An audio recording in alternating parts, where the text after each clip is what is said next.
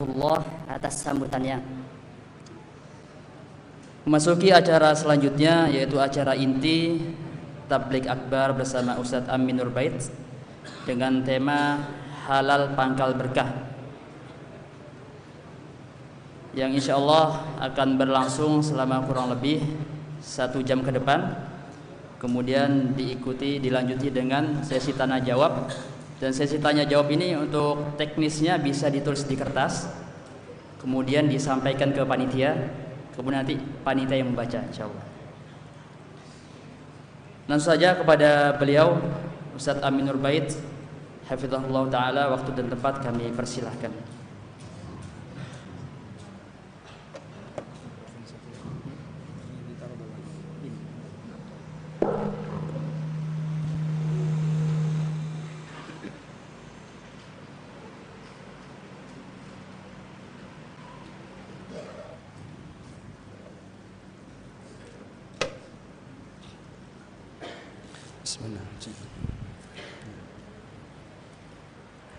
السلام عليكم ورحمة الله وبركاته.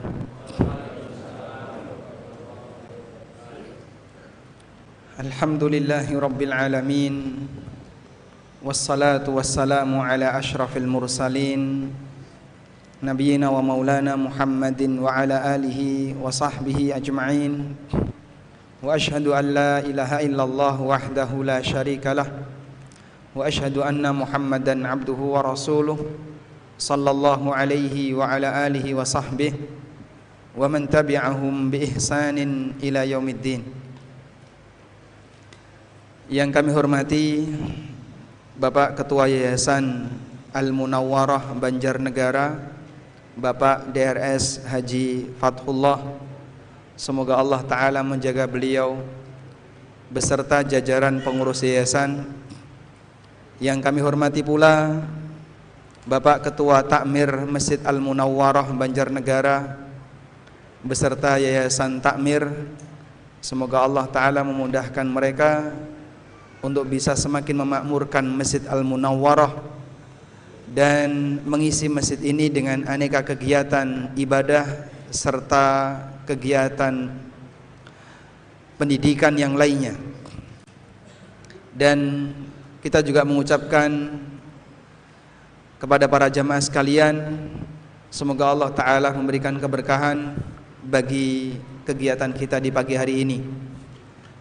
Syukur alhamdulillah layak kita haturkan kehadirat Allah di pagi hari ini Allah memberikan kita kemudahan untuk bergabung di salah satu taman surga biasanya kalau hari Ahad pagi orang itu menggunakannya untuk piknik di mana Pak ada yang lari ke puncak gunung ada yang ngelerek sampai pantai ada yang tinggal di hotel, ada yang jalan-jalan di, di kampung dan seterusnya. Dan pagi hari ini Bapak Ibu sedang tidak piknik di tempat wisata, tapi Anda piknik insya Allah di taman surga. Rasulullah sallallahu alaihi wasallam mengatakan, "Wa idza marartum bi riyadil jannah farta'u." Apabila kalian melewati taman-taman surga, maka mendekatlah. Kemudian ada sahabat yang bertanya, "Wa ma riyadul jannah ya Rasulullah?" Lalu apa yang dimaksud dengan taman surga itu ya Rasulullah? Jawab Nabi sallallahu alaihi wasallam, "Hilaqud dzikri." Yang dimaksud dengan taman surga adalah halaqah yang isinya membahas masalah zikrullah. Apa yang dimaksud dengan halakoh yang membahas masalah zikrullah? Para ulama menjelaskan bahwa makna zikrullah niku wonten kali. Makna zikrullah ada berapa? Ada dua. Makna zikrullah yang pertama adalah menyebut nama Allah dalam kalimat-kalimat tayyibah. Seperti misalnya jenengan mengucapkan subhanallah Alhamdulillah, Allahu Akbar, La ilaha illallah atau kalimat-kalimat tayyibah yang lainnya. Maka kalau kita selesai sholat wajib Lalu kita membaca zikir Berarti kita berada di majlis zikrullah Karena kita menyebut nama Allah dalam kalimat-kalimat tayyibah Yang kita baca ketika zikir setelah sholat Makna zikrullah yang kedua Bahwa yang dimaksud dengan zikrullah adalah mempelajari peringatan yang diturunkan oleh Allah.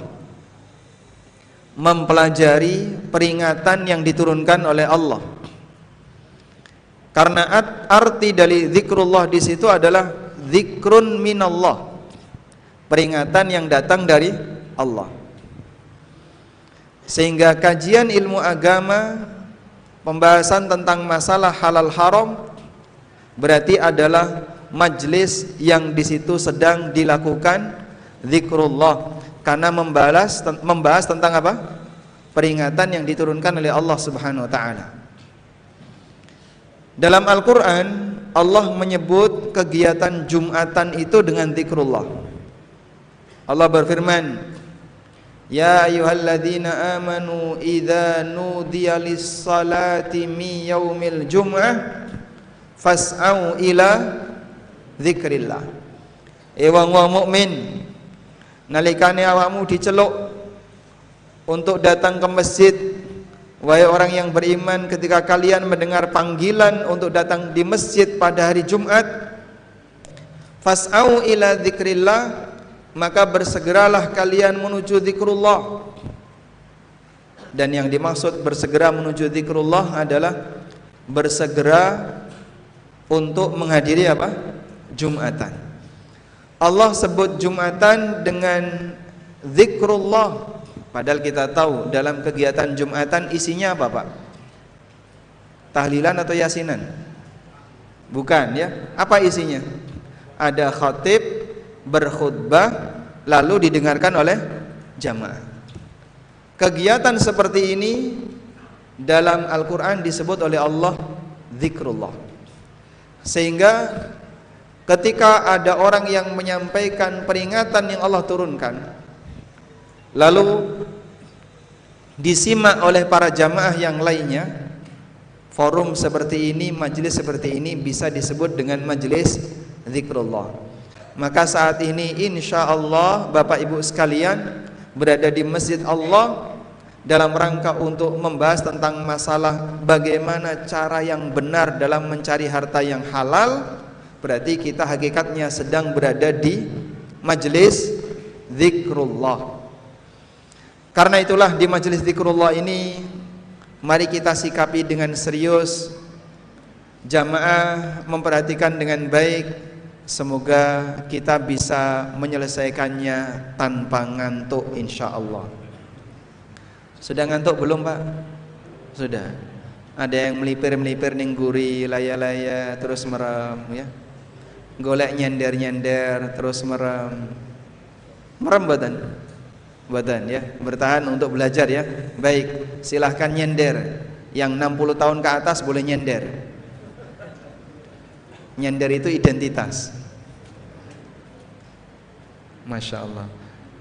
Sing nem boleh nyender nggak? Boleh? Boleh. Pengecualian ya. Karena ada uzur. Masih muda. Baik. Insya Allah di kesempatan kali ini kita akan membahas tentang judul kajiannya adalah halal pangkal berkah. Rizki niku nek halal insya Allah sakit maringi keberkahan bagi orang yang mengkonsumsinya. Bapak Ibu yang dimakan Allah Subhanahu wa taala, kalau kita lihat di zaman kita saat ini rizki yang halal itu barang langka ataukah barang murah? Yang mana Pak? Langka atau murah? Harta yang halal itu harta yang langka atau harta yang sulit untuk dicari? Harta yang langka ataukah harta yang mudah untuk dicari? Eh? Sebagian orang mengatakan harta yang halal itu langka, susah untuk dicari. Sampai ada sebagian orang yang punya prinsip zaman ini golek sing haram wae angel apa meneh golek sing halal. Nyari yang haram saja susah, apalagi nyari yang halal. Sehingga seolah-olah orang punya anggapan bahwa mendapatkan harta yang haram itu sebagai hal yang biasa. Karena mau gimana lagi? Golek sing haram aja angel, nyari yang haram aja susah apalagi nyari yang halal. Dan bisa jadi ini merupakan pembenar dari sabda Nabi sallallahu alaihi wasallam dalam hadis riwayat Bukhari. Rasulullah sallallahu alaihi wasallam mengatakan sayati 'alan nasi zamanun bakal datang di tengah umat manusia suatu zaman la yubalil mar'u ma akhadha minhu di mana manusia itu sudah tidak lagi punya kepedulian dari mana dia mengambil hartanya? Amin halalin amin haram. Apakah dia ambil dari yang halal ataukah dari yang yang haram? Dan bisa jadi zaman itu saat ini sedang kita alami jamaah. Pembenaran dari apa yang disabdakan oleh Rasulullah sallallahu alaihi wasallam.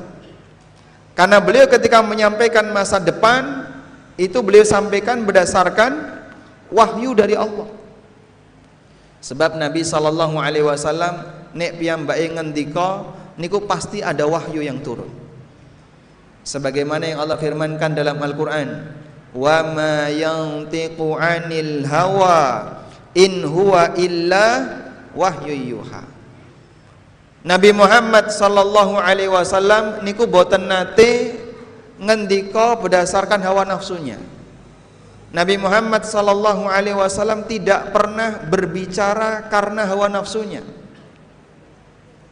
Namun yang keluar dari beliau adalah wahyu yang diberikan oleh Allah Subhanahu wa taala. In huwa illa wahyu yuha. Sedaya yang disampaikan oleh beliau itu adalah wahyu dari Allah. Maka kok mesti terjadi ya Pak apa yang disampaikan oleh Rasulullah SAW? Ya pasti karena yang namanya wahyu datang dari Allah dan Allah yang menciptakan kejadian alam raya ini dari mulai 50 ribu tahun sebelum alam ini diciptakan sampai hari kiamat. Maka apa pun yang disabdakan Nabi Sallallahu Alaihi Wasallam pasti benar adanya. Sehingga ketika beliau menyebutkan saya ti'alan nasi zamanun la yubalil mar'u ma akhadha min akan datang satu zaman di tengah umat manusia di mana mereka sudah tidak lagi peduli dari mana mereka mengambil harta apakah dari yang halal ataukah dari yang haram ternyata tanda-tandanya bisa jadi sudah mulai kelihatan sehingga jamaah dimulakan Allah Subhanahu wa taala hadis ini memberikan kita sebuah arahan bahwa tantangan yang dihadapi oleh kaum muslimin dalam urusan berinteraksi dengan harta itu berat. Karena kaum muslimin nanti akan menjalani hidup di mana masyarakatnya mengajak mereka untuk serong ke kiri. Golek sing haram. Golek sing kira-kira ora cetha. Sampai yang syubhat-syubhat itu diambil semua yang haram juga kadang diambil dan orang sudah tidak lagi peduli sehingga bagi mereka yang sabar kadang dia terpinggirkan sampai muncul seperti tadi perkataan hari ini kalau nyari yang haram aja susah kok bicara yang halal padahal Bapak Ibu yang dimulakan Allah masing-masing umat itu diberi ujian oleh Allah masing-masing umat diberi ujian oleh Allah Ujian niku napa, Pak? Penyebab di mana umat ini melakukan penyimpangan terhadap ajaran nabinya. Penyebab di mana umat itu melakukan penyimpangan terhadap ajaran nabinya sallallahu alaihi wasallam. Dulu ada umat yang mereka diuji oleh Allah dengan kekuatan fisik. Wongi gede-gede, gagah-gagah, kuat-kuat Sampai mereka merasa sombong dengan kekuatan fisik yang mereka punya itu. Akhirnya karena sudah merasa sombong, mereka merasa kami nggak butuh nabi, nggak butuh ajaran nabi. Kita ini sudah hebat, kita ini sudah kuat, buat apa ngikutin nabi? Itulah yang terjadi pada kaum Ad. Kaum Ad kaumnya Nabi Sinten. Kaumnya Nabi siapa? Eh? Nabi siapa? Kaumnya Nabi Hud, masya Allah, dapat hadiah. Oh dia nggak? Oh ya.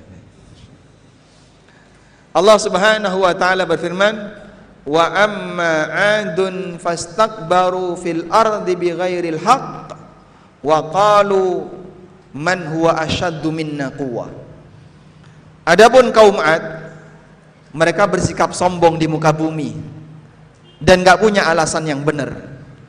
Wa qalu dan mereka mengatakan, "Man huwa asyaddu minna quwwah?" Siapa yang lebih hebat dibandingkan kami? Mana ada manusia yang lebih hebat dibandingkan kami? Dan karena sebab itu mereka menolak dakwahnya Nabi.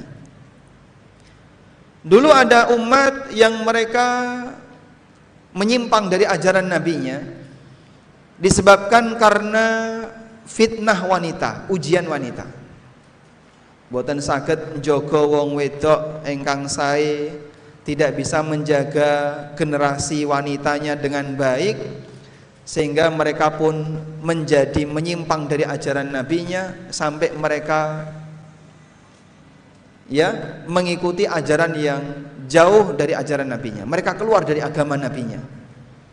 Dan ini yang dialami oleh Bani Israel. Allah Subhanahu wa taala mengatakan fattaqud dunya Nabi sallallahu alaihi wasallam bersabda fattaqud dunya wattaqun nisa fa inna awwala fitnati bani Israila kanat fin nisa. Waspadalah kalian terhadap ujian dunia dan terhadap ujian wanita. Karena sesungguhnya fitnah pertama yang dialami oleh Bani Israel terjadi disebabkan karena ujian wanita. Jadi di masa Bani Israel mereka tidak bisa menjaga wanitanya dengan baik sampai akhirnya terjadi kerusakan besar sehingga terjadilah penyimpangan-penyimpangan pada diri Bani Israel sekarang umat Muhammad sallallahu alaihi wasallam di mana letak ujiannya dan letak fitnahnya? Rasulullah sallallahu alaihi wasallam bersabda, "Wa inna likulli ummatin fitnah wa fitnatu ummati hiyal mal." Setiap umat itu punya ujian, punya fitnah dan fitnah umatku diletakkan oleh Allah pada harta. Sehingga dalam urusan harta mohon diingat kita semuanya sedang diuji oleh Allah dengan bagian ini. Coba yang ada di masjid ini ada nggak yang Bani Israel? Bani Israel angkat tangan. Boleh pulang duluan. Ada? Terus kita ini siapa Pak? Kita umat Muhammad Sallallahu Alaihi Wasallam.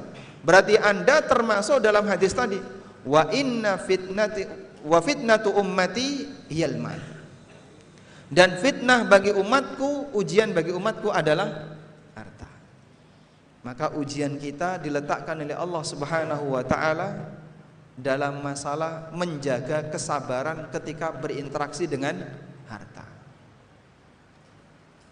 Dan Nabi sallallahu alaihi wasallam sangat ketat dalam urusan harta.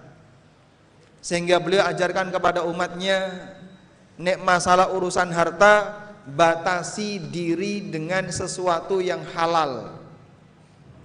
Beliau kasih penegasan. Innal halala bayyin wa innal harama bayyin. Sing halal cetha, sing haram cetha. Yang halal itu jelas, yang haram itu jelas. Wa bainahuma umurun mustabihat. Antarane sing halal kalau sing haram wonten apa Pak? wonten apa? Dunya sing syubhat. Antara yang halal dan yang haram ada harta yang syubhat. Niki nyuwun sewu. Kula nek ngomong basa Jawa diprotes kalau pemirsa. Pemirsa yang dari Padang, dari Medan, dari Aceh, Pak Ustadz saya nggak paham ya, protes pemirsanya ya. Tapi kalau ngaji di daerah Banjarnegara orang ngapak orang kepenak. Mong kula nyuwun sewu mboten saged ngapak. Dikongkon ngapak niku mboten saged ya. Nggih. Jadi di antara yang halal dan yang haram ada apa Pak? Syubhat. Nabi sallallahu alaihi wasallam menjelaskan, la ya'lamuhunna katsiru minan nas. Perkara sing syubhat menika.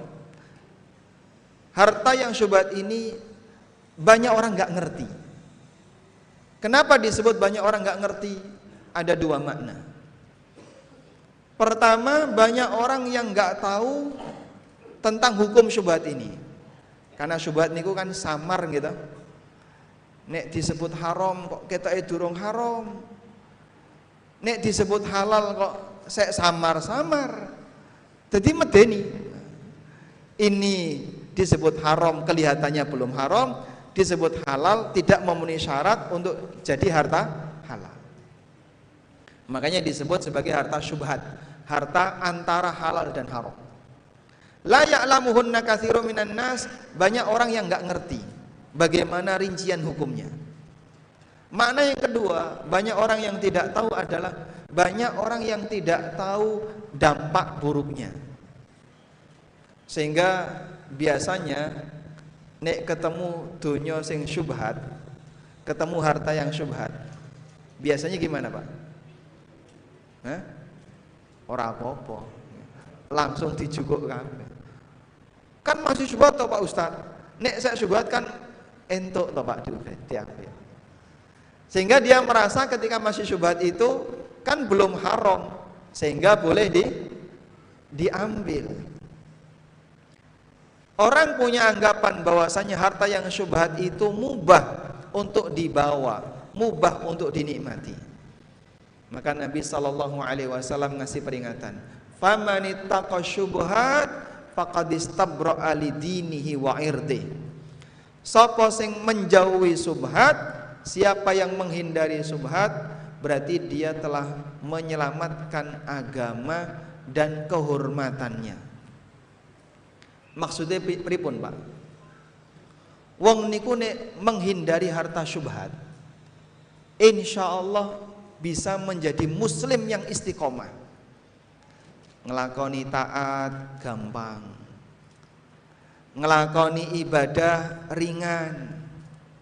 Anak-anak nggih sae nurut-nurut marang wong tua sehingga satu keluarga sakit guyup rukun kompak ngelakoni ketaatan karena harta yang masuk ke dalam perut mereka harta sing suci.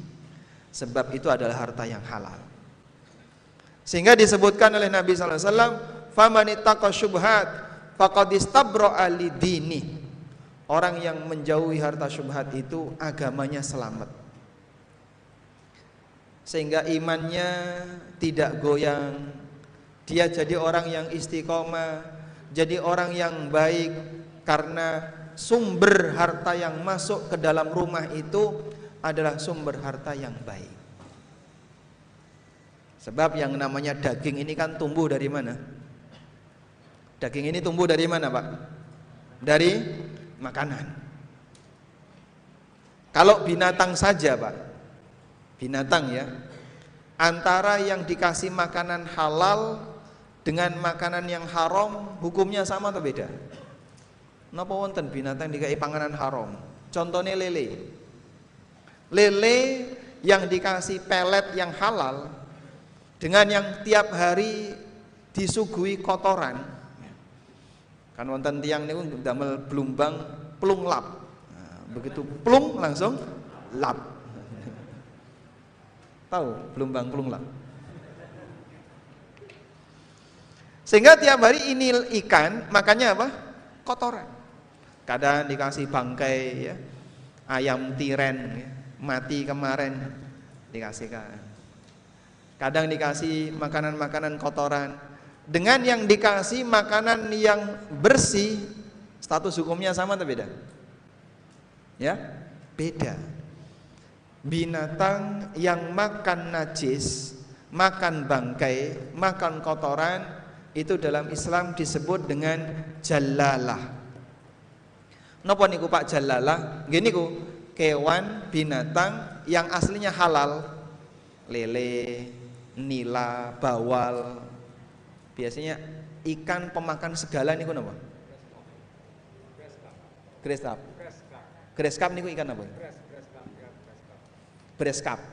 Kayak kayak apa itu? Kayak nila. Lebih besar ya. Baik. Bawal juga sama ya. Dia pemakan segala. Bawal itu doyan daging nggak? Hmm? Doyan ya. Nah, ini ikan pemakan segala. Jika i bangkai ya doyan, jika i godong ya. Sehingga ikan semacam ini kadang dia dikasih makanan-makanan yang kotor. Maka ikan kayak gini disebut dengan jalalah. Terus pripun Pak kalau ada ikan yang seperti ini? Jalalah itu haram hukumnya untuk dimakan langsung. Lo lele kok haram? Ikan kok haram? Haramnya bukan karena ikannya, tapi karena dia mengkonsumsi makanan yang haram. Sehingga karena dia mengkonsumsi makanan yang haram, maka status dia jadi binatang kotor, disebut jalala. Bisa jadi halal kalau dikarantina. Sehingga dia dikarantina selama kurang lebih 3 sampai 5 hari atau boleh lebih dari itu, terus dikasih makanan yang halal hingga pengaruh yang haram jadi hilang. Nanti berubah jadi halal. Itu cara penanganan hewan jalala. Lo binatang saja pak Beda status gara-gara jenis makanan Dan kadang ada binatang yang gampang terserang penyakit Itu karena makanan Makanya jenengan kalau dolanan di bun binatang Itu kan ada peringatan ya Dilarang memberi makan sembarangan Kewan niku pak duwe aturan Panganan ini diatur Mosok menungsor gak duwe aturan. Coba, misalnya di rumah jenengan ada, ada tulisan dilarang memberi makanan sembarangan kepada penghuni rumah ini. Dikiranya kebun binatang. Bukan maksudnya adalah bahwa penghuni rumah ini hanya boleh mengkonsumsi yang halal. Sehingga binatang saja dalam urusan makanan itu diatur ada larangan untuk ngasih makanan sembarangan, seharusnya manusia gimana? Lebih terlarang lagi. Kita ini makhluk yang berakal, sebab makanan itu berdampak kepada aktivitas yang kita lakukan, mongko apa sing dilebokno nanti bisa jadi tingkah laku dan perbuatannya. Makanya hati-hati kewajiban para bapak para kepala rumah tangga yang menjadi tulang punggung keluarga. Jenengan nek nggawa donya sing halal dikasihkan kepada anak istri insya Allah menenangkan. Tapi kalau membawa harta yang haram lalu dikasihkan anak istrinya hati-hati saja Pak bisa jadi mereka akan berbalik arah menyerang kepada orang yang ngasih umpan harta haram ini. Makanya Allah sebutkan dalam Al-Qur'an, "Inna min auladikum wa azwajikum aduwwal lakum fahdharuhum." Bisa jadi di antara anak kalian, di antara istri kalian ana sing dadi musuh bagi kalian. Fahdharuhum mongko waspadalah kalian. Dan mungkin awalnya adalah berasal dari suaminya bapaknya sebagai sumber sebagai mata apa tulang punggung di keluarganya. Dia mencari sumber pendapatan sing gak bener. No anak bojone. Saya punya teman kemarin ya sempat safar bareng cukup lama dengan beliau. Kemudian beliau cerita pengalaman taubatnya. Pada satu ketika beliau ini bekerja di tempat yang terlarang. Sehingga beliau membawa banyak harta.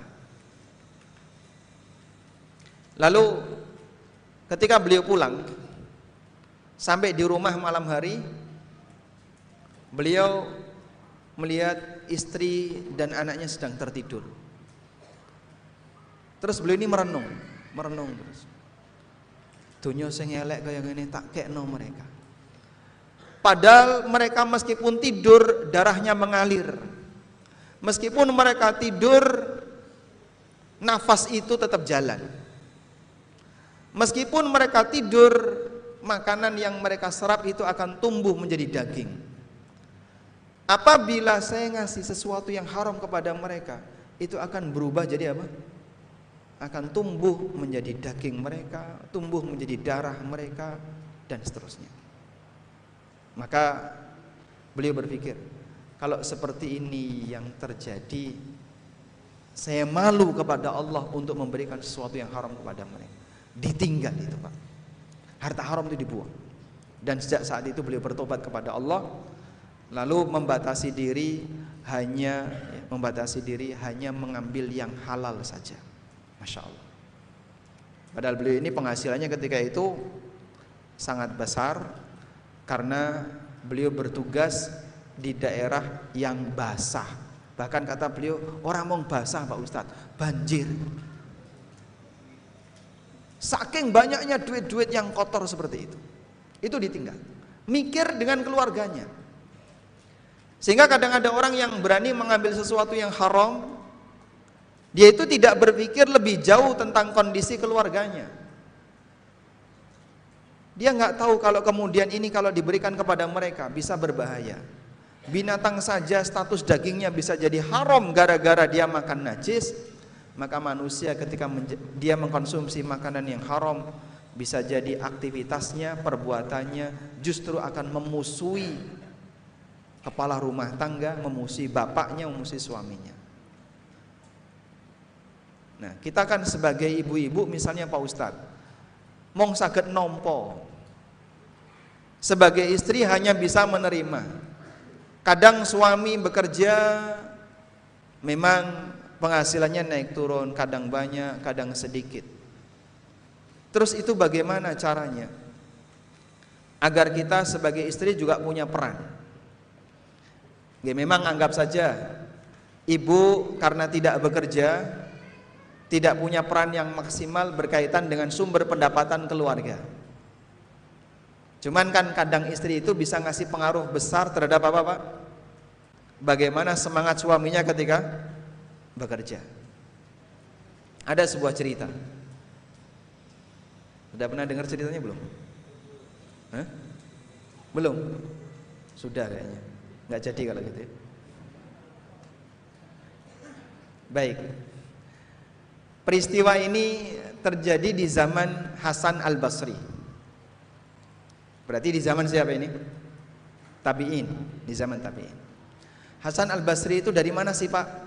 Dari Basrah, makanya disebut Hasan Al-Basri. Hasan Al-Basri itu pernah diasuh di rumahnya Ummu Salamah Sebab ibunya itu mantan budaknya Ummu Salamah. Sehingga Hasan Al Basri ini pernah tinggal di rumah Rasulullah SAW. Beliau kan pernah bercerita. Kuntu nawaltu sakfa baitin Nabi sallallahu alaihi wasallam hakada. Hasan Al Basri itu ketika di usia kurang lebih 10 tahun bisa menggayuh atap rumah Rasulullah SAW sambil jinjit. Berarti atap rumah Nabi gimana? Tinggi atau pendek? Pendek. Coba yang usia 10 tahun siapa? Usia berapa? 13 tahun, selisih 3 tahun ya. Berdiri sambil gini. Berapa meter kira-kira? Coba berdiri, tak kasih hadiah. Nah. Berdiri, berdiri. Nah, tangannya dinaikkan ke atas puncak jinjit. Nah, berapa meter itu pak? Lebih pak. Lebih ya. Ada dua meter? Masya Allah barakallahu fikum. Dapat hadiah. Kurang lebih setinggi itulah atap rumah Rasulullah SAW jadi atap beliau termasuk atap yang pendek. Baik. Kembali kepada kisahnya Hasan Al Basri Hasan Al Basri rahimahullah Beliau berangkat haji. Ketika sampai di kota Mekah, beliau menjumpai seorang pedagang kain. Mendekatlah Hasan Al-Basri ke pedagang kain ini. Lalu si pedagang ini berusaha untuk meyakinkan konsumennya, si Hasan Al uh, ulama Hasan Al-Basri ini sebagai konsumennya. Dengan luar biasa menggebu-gebu, terlalu bernafsu, gimana caranya biar bisa laku. Masya Allah Tuhan beruntung ketemu kami Ini kain terbaik di dunia Top Marco top yes mare yes. Kalau jenengan tidak beli nanti pulang rugi Pokoknya gimana caranya biar orang ini mau beli Akhirnya beliau berpikir Ini orang kok terlalu bernafsu Agar laku dagangannya Sehingga ditinggalkanlah itu pedagang Dua tahun berikutnya Hasan Al-Basri berangkat haji lagi. Dan beliau ketemu dengan penjual kain yang sama. Tapi kali ini cara beliau dalam menawarkan barang dagangannya lebih santun, lebih santai, tidak terlalu bernafsu sehingga membuat calon konsumennya nyaman. Silahkan tuan kalau mau diperiksa dulu silahkan ini barang dagangan saya kalau tertarik silahkan dibeli, harganya sekian, ada cacatnya di sini, ada cacatnya di sini, silahkan diperiksa. Kemudian beliau terheran. Kok ada perubahan besar cara orang ini dalam berdagang? Hasan Al Basri penasaran, beliau ingin tahu apa sih penyebabnya sehingga cara beliau dalam berdagang ini kok berubah? Ditanyalah orang ini. Kamu kan orang yang dua tahun yang lalu pernah ketemu saya. Waktu kau menjajakan kainmu. Kok sekarang ada cara menawarkan barang yang demikian berubah dari yang dulu dengan yang sekarang? Apa sebabnya? Apakah karena sudah ngaji? Atau karena sudah kenal sunnah? Atau bagaimana? Beliau ingin tahu. Maka kemudian orang ini membuka cerita. Begini tuan. Dua tahun yang lalu saya itu memiliki seorang istri yang cerewetnya luar biasa. Kalau saya pulang dengan membawa harta yang banyak dianggap sedikit. Kalau saya pulang dengan membawa harta yang sedikit, wah, masya Allah. Isinya mau Pak. Sehingga gara-gara istri yang seperti ini semangatnya, sampai akhirnya orang ini terlalu bernafsu ketika mencari harta. Ketakutan ketika pulang ke rumah karena nanti kalau membawa duit yang sedikit isinya cuman berantem. Hingga akhirnya Allah Subhanahu wa taala mewafatkan istri saya ini. Alhamdulillah. Eh? Kalau ada orang meninggal baca apa? Inna lillahi wa inna ilaihi raji'un. Lalu Allah Subhanahu wa taala menggantikan kepada saya seorang istri yang jauh lebih konaah dibandingkan istri saya yang pertama. Nah, istri yang kedua ini punya kebiasaan. Setiap kali saya mau berangkat untuk kerja, kerah baju suaminya itu dipegang. Kerah baju suaminya dipegang, ya tentu saja megangnya bukan kayak preman mau mukul gitu ya pegang dengan penuh rasa kasih sayang. Lalu beliau sampaikan ya hadza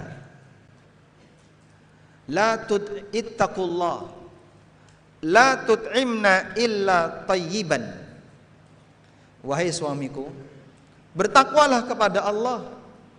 Jangan sampai engkau memberikan harta kepadaku kecuali dari sesuatu yang halal. Masya Allah Pernah nggak Pak dapat pesan kayak gitu? Sebelum jenengan berangkat kantor, terus bujuni ngedang neng pinggir lawang, kemudian bajunya dipegang.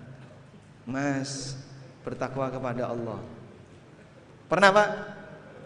Eh? Belum. Jenengan itu sudah nikah berapa tahun?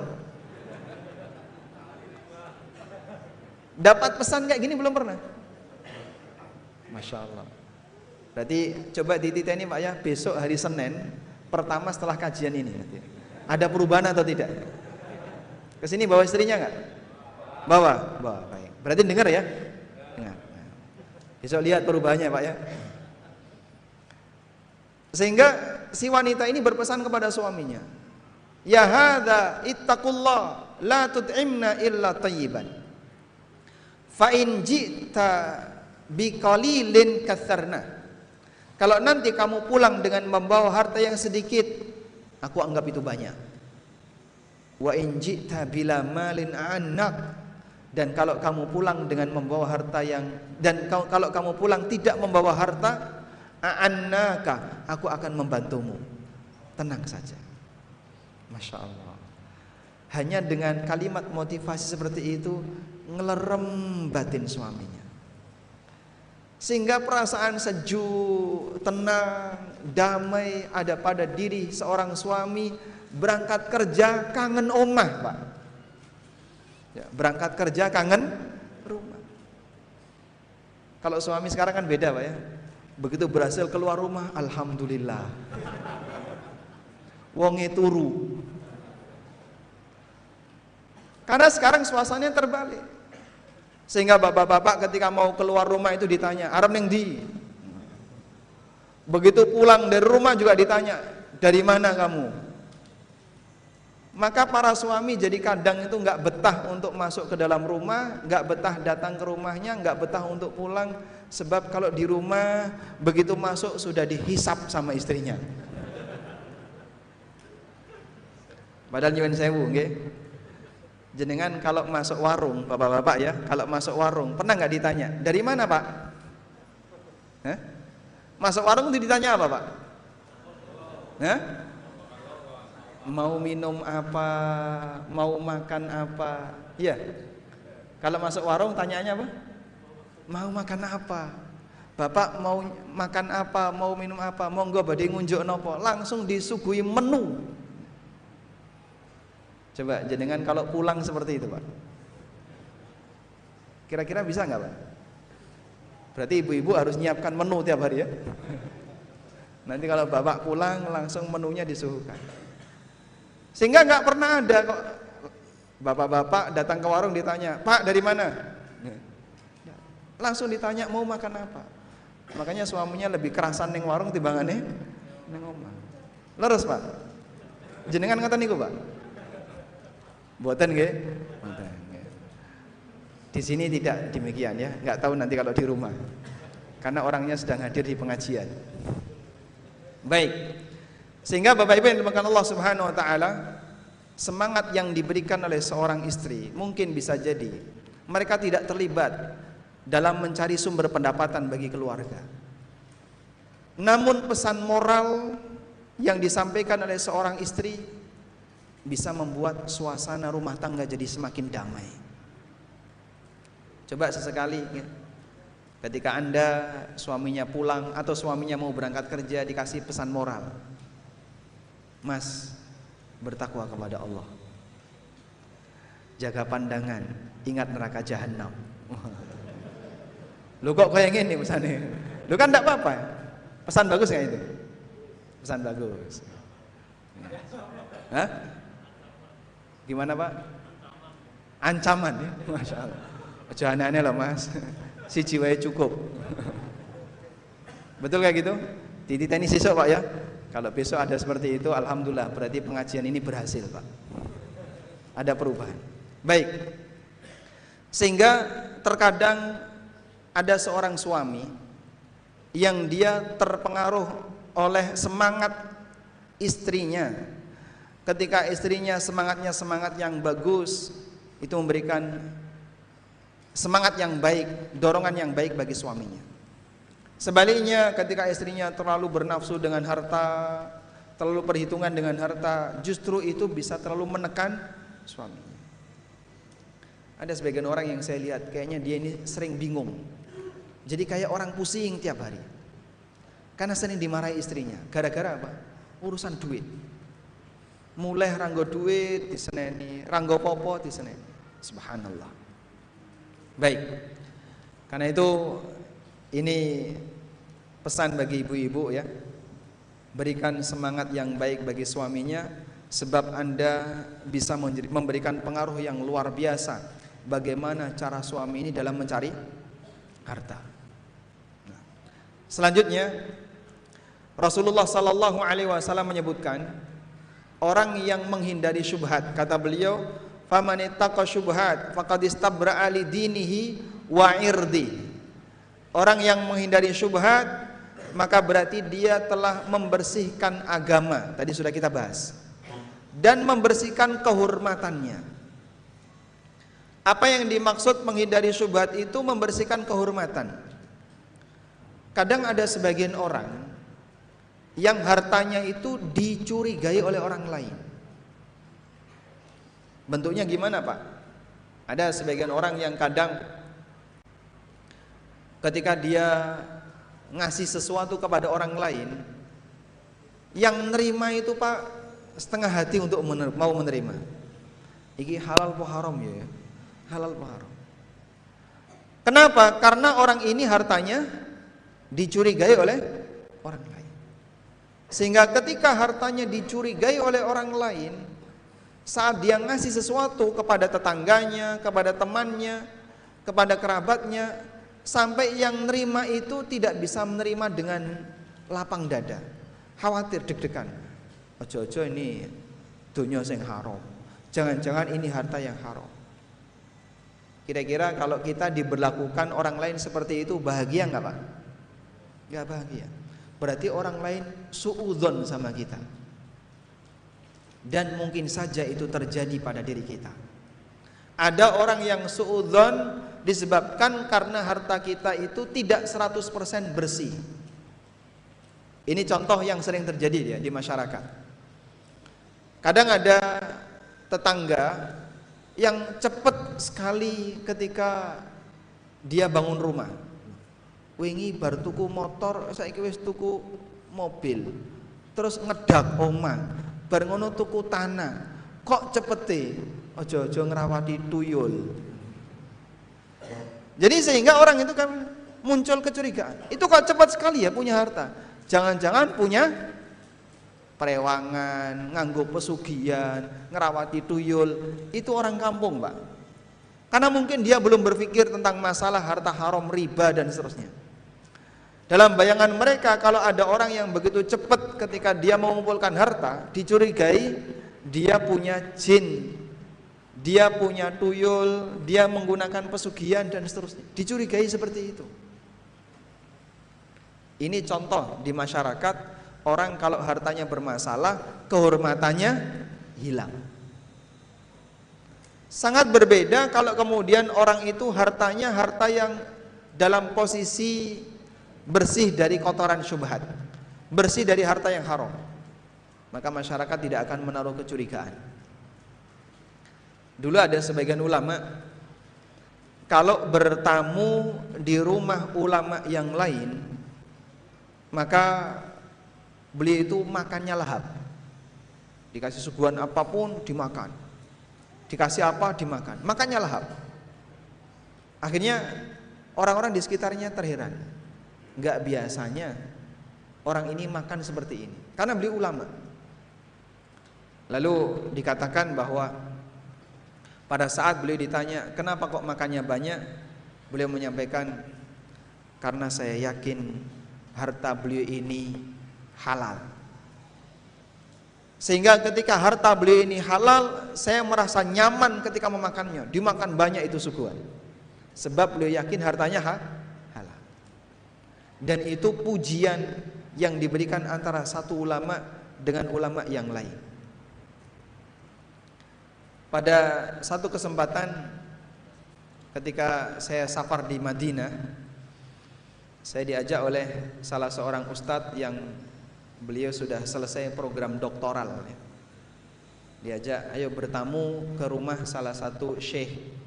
Syekh yang ada di Madinah, beliau dosen eh, kalau tidak salah jurusan dakwah dan usuluddin.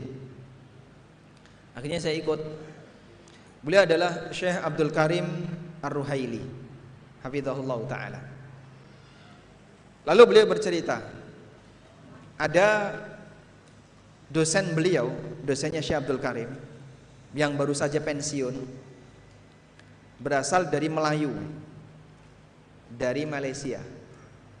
Namanya Profesor Dr. Mahmud Kidah. Profesor Dr. Mahmud Kidah. Dari daerah Kedah. Kedah itu salah satu wilayah di Malaysia.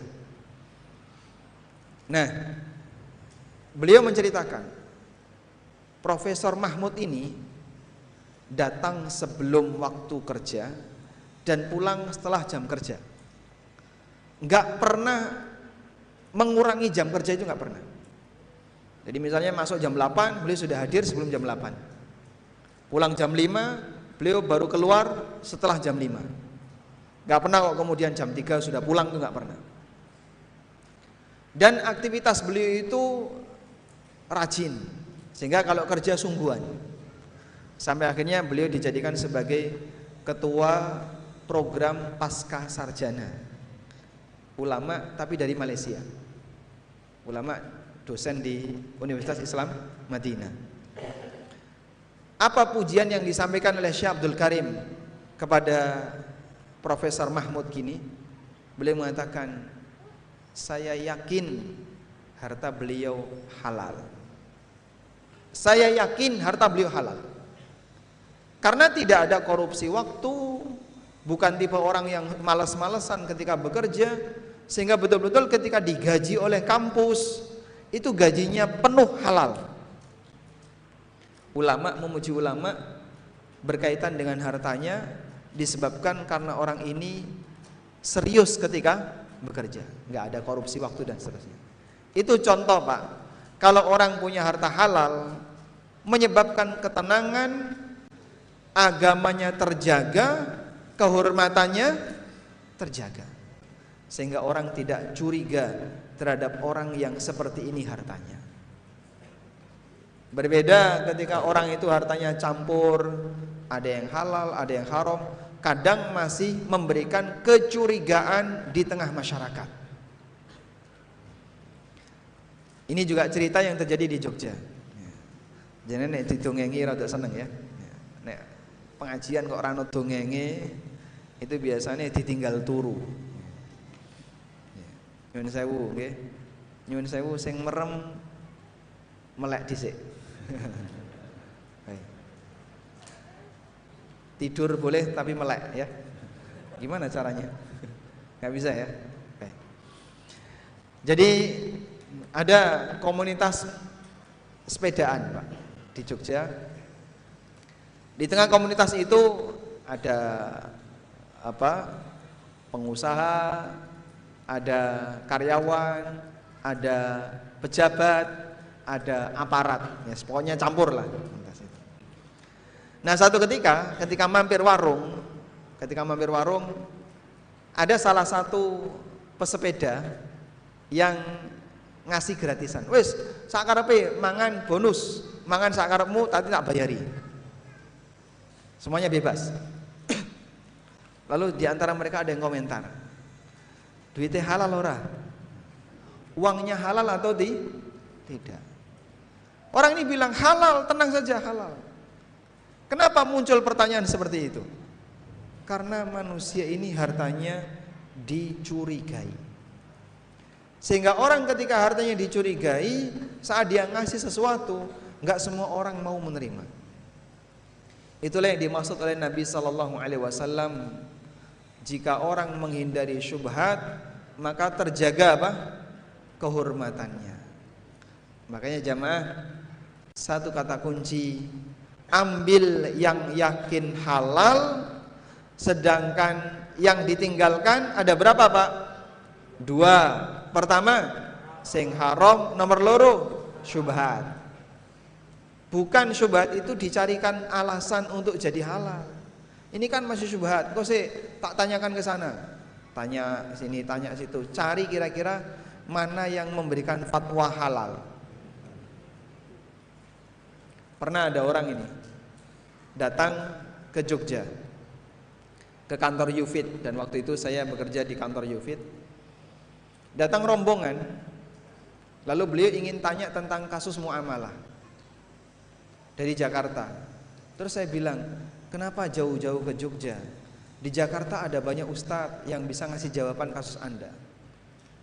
Anda bisa datang ke Ustadz Erwandi yang beliau adalah pakar dalam masalah muamalah. Anda bisa datang ke Ustadz Nizar, ustadz-ustadz yang lainnya. Lalu yang nganter itu bilang ke saya, sebenarnya orang ini sudah tanya ke beberapa ustadz, termasuk Ustadz Erwandi. Termasuk Ustadz Erwandi, tapi karena beliau pengen cari jawaban yang memuaskan, akhirnya datang ke sini, berharap antum bisa ngasih jawaban yang berbeda. Masya Allah. Alhamdulillah, waktu saya ngasih jawaban sebelum saya tanya itu ya, sebelum saya tanya itu, saya ketika saya ngasih jawaban kurang lebih sama seperti yang dipatwakan Ustadz Irwandi. Berarti sama-sama melarang. Ya agak kecewa. Berharap nanti fatwanya membolehkan, tapi ternyata tetap dapat jawaban yang melarang. Sehingga pulang tetap membawa kesimpulan praktek ini dilarang. Itu contoh ketika ada orang yang nyari-nyari celah, barangkali masih ada ustadz yang membolehkan. Nah, kalau boleh, ah ini kalimat ini dipegangi. Apalagi kalau kemudian jawabannya kurang terlalu serius. Mohon maaf ya. Kalau ada ustadz ditanya dalam kondisi beliau buru-buru, itu jawabannya pasti nggak maksimal. Dalam kondisi buru-buru. Tapi kan kadang masyarakat jamaah itu nggak mau tahu. Satu lagi Ustaz, satu lagi, satu lagi. Tunggu dulu, satu lagi Ustaz. Urgent ini, mendesak. Terus tanya. Tanya dalam posisi ini yang ditanya pusing. Buru-buru karena pesawatnya mau take off, sebentar lagi harus boarding, sudah dalam kondisi itu masih dihadang di jalan ditanya. Nggak bakalan bisa ngasih jawaban yang bagus. Makanya kalau tanya lihat keadaan. Kalau keadaannya nggak nyaman, jangan dipaksakan. Nah ada orang yang kayak kadang nggak mempertimbangkan bagian ini. Mohon maaf, biasanya jawabannya nggak maksimal, akhirnya jawaban yang nggak maksimal itu yang digunakan sebagai landasan. Kemarin beliau bilang boleh kok. Kapan kamu tanya? Pas beliau mau ke airport itu. Beliau pas lari-lari tak kejar. Akhirnya karena jawabannya jawaban mendesak ya udah, boleh aja biar dia pergi. La haula wala quwata illa billah. Baik. Karena itu jamaah belakang Allah taala waspada dengan hal semacam ini. Bisa jadi ada orang yang nyari-nyari celah dalam rangka untuk membela harta yang syubhat. Padahal Nabi sallallahu alaihi wasallam minta, nek ketemu syubhat, dia apa kan? Tinggalkan. Famanittaqa syubhat Siapa yang menghindari syubhat faqad ali dinihi wa irdi, maka dia telah membersihkan agama dan kehormatannya. Sekarang coba Anda baca firman Allah taala di surat Al-A'raf ayat 32. Buka mushaf Al-A'raf ayat 32. Silakan buka mushafnya. Mushaf Pak ya bukan HP Pak. Qur'annya ada di mana? Di HP. Baik, silakan buka Al-Qur'an surat Al-A'raf ayat 32. Di Qur'annya ada surat Al-A'raf enggak? Ada? Ada ya. Berarti bukan Quran palsu. Ya, ayat 32. Udah ketemu? Baik. Coba kalimatnya gimana? Ada yang bisa baca? Bawa enggak? Musa. Oh enggak bawa, santri enggak bawa ya. Nah. Allah taala berfirman. Fadhal ikra. Ada suaranya itu? Alhamdulillah. Nah.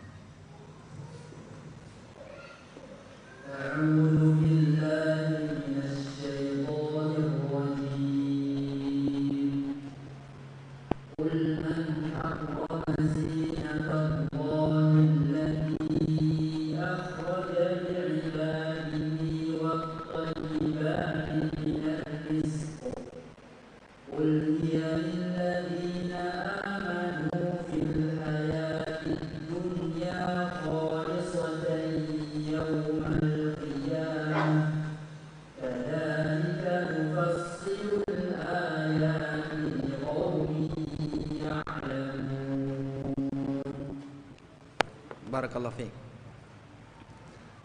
Sekalian artinya. Biar jamaah bisa mendengar langsung bagaimana artinya. Ada terjemahannya musafnya? Ada, baik. Silakan dibaca.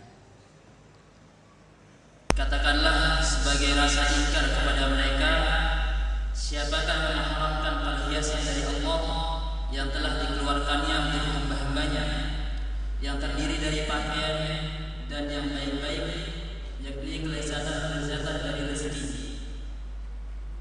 Katakanlah semuanya Itu disediakan bagi orang-orang yang beriman dalam kehidupan dunia Yang berhak memilikinya sekalipun selain mereka turut pula memilikinya.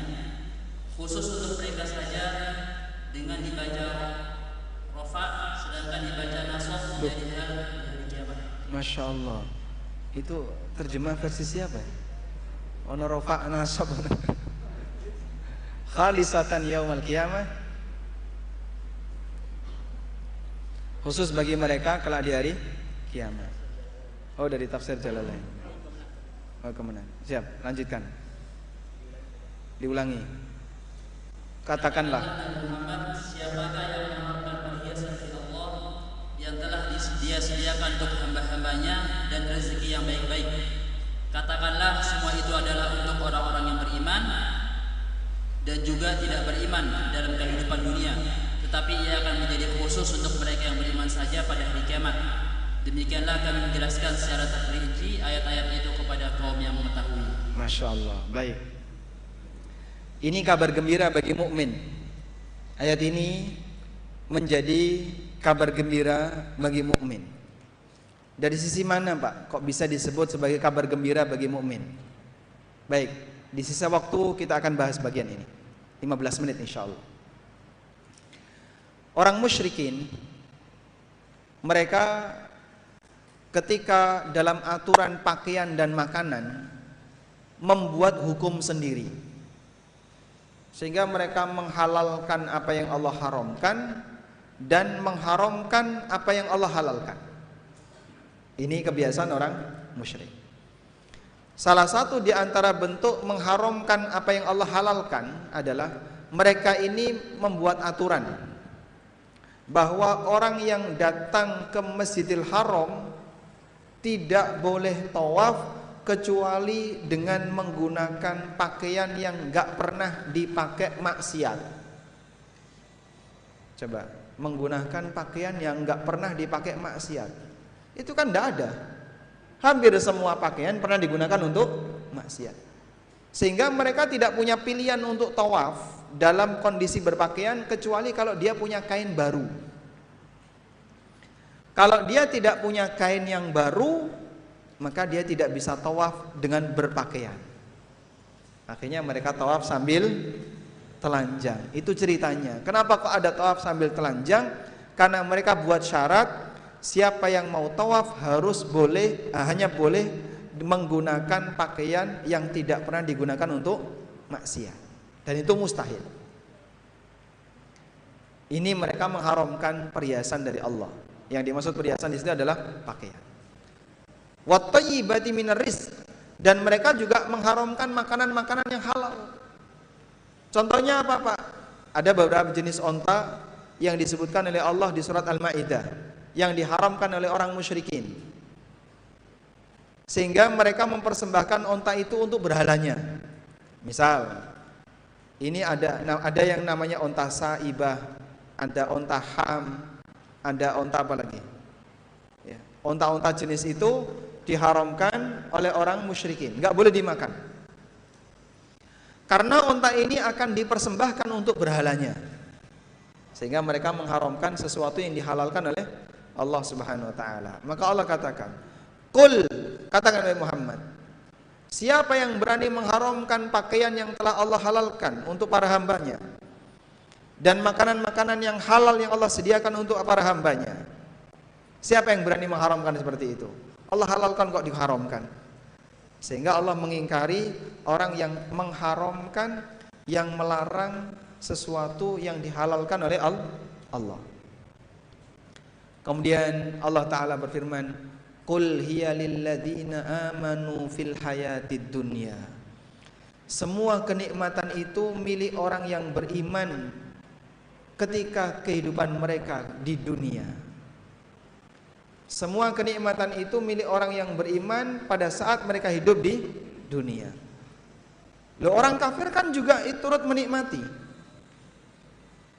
Orang kafir punya dunia nggak pak? Punya, bahkan lebih banyak. Terus kata Allah di sini milik orang yang beriman. Gimana dengan kondisi orang kafir?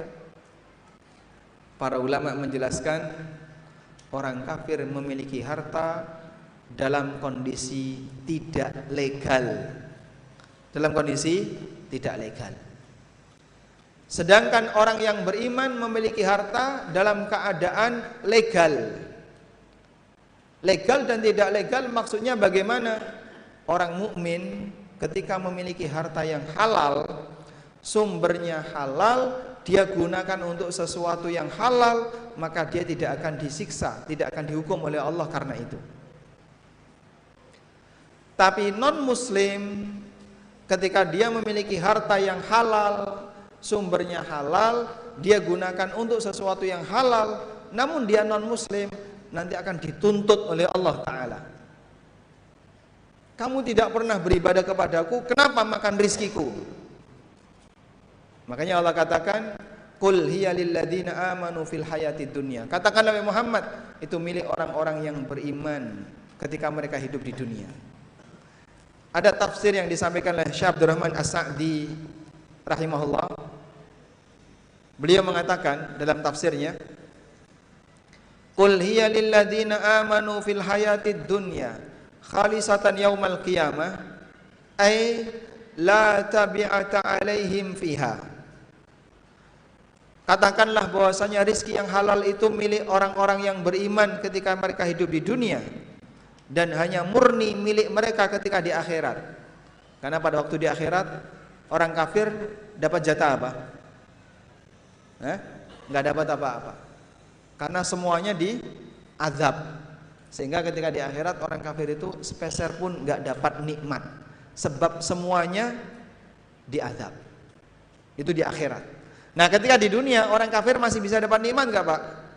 Masih mereka bisa menikmati dunia, mereka bisa makan, bisa tidur, bisa minum, bisa tidur, bisa kawin, itu orang kafir. Tapi besok di akhirat mereka sudah nggak punya apa pun. Baik. Lalu kata Allah Subhanahu wa taala, orang mukmin ketika menggunakan harta yang halal pada waktu di dunia nggak dituntut. Tidak dituntut. Wa mafhumul ayah anna man lam yu'min billah bal ista'ana biha ala ma'asihi fa innaha ghairu khalisatin lahu wala mubahatin bal yu'aqabu 'alaiha wa 'ala tana'umi biha wa yus'alu 'anin na'im yaumal qiyamah pemahaman sebaliknya dari ayat bahwa orang yang tidak beriman kepada Allah bahkan dia menggunakan harta itu untuk berbuat maksiat maka nanti dia akan dihukum oleh Allah meskipun dia menikmati yang halal. Walaupun harta itu halal. Ini keterangan Ibnu Katsir rahimahullah. Yu'aqabu 'alaiha, dia akan dihukum disebabkan karena dia menikmati harta. Sebab non muslim tidak punya hak untuk menikmati rizki yang disediakan oleh Allah karena mereka tidak beribadah kepada Allah. Demikian keterangan yang disebutkan dalam tafsir Ibnu Katsir. Masya Allah. Kok bisa Pak seperti itu? Kita dikasih nikmat, seharusnya tugas orang yang menerima nikmat itu apa? Berbuat taat. Kalau ada orang yang diberi nikmat, tapi setelah itu dia berbuat kesyirikan, menyembah selain Allah, di saat itulah Allah murka. Sehingga nanti Allah akan nuntut orang ini Kau sudah aku kasih nikmat A, dikasih nikmat B, kau bisa makan, kau bisa minum, kau bisa menikmati kehidupan di dunia. Kau gunakan untuk apa semua itu? Untuk maksiat, gak pernah ibadah kepada Allah, bahkan sujud kepada selain Allah. Bahkan dia menyekutukan Allah dengan aneka Tuhan-Tuhan yang lainnya. Allah tuntut. Karena mereka menikmati dunia tapi tidak digunakan untuk berbuat taat. Berbeda dengan orang yang beriman. Orang beriman ketika menikmati semua itu tidak akan dituntut oleh Allah Subhanahu wa taala. Wallahu taala alam. Baik, demikian yang bisa kita sampaikan semoga menjadi kajian yang bermanfaat. Sekarang jam 10.53 kurang 7 menit Pak Ustaz. Jadi saya korupsi waktu 7 menit. Mungkin itu yang bisa kita sampaikan. Wassalamualaikum warahmatullahi wabarakatuh.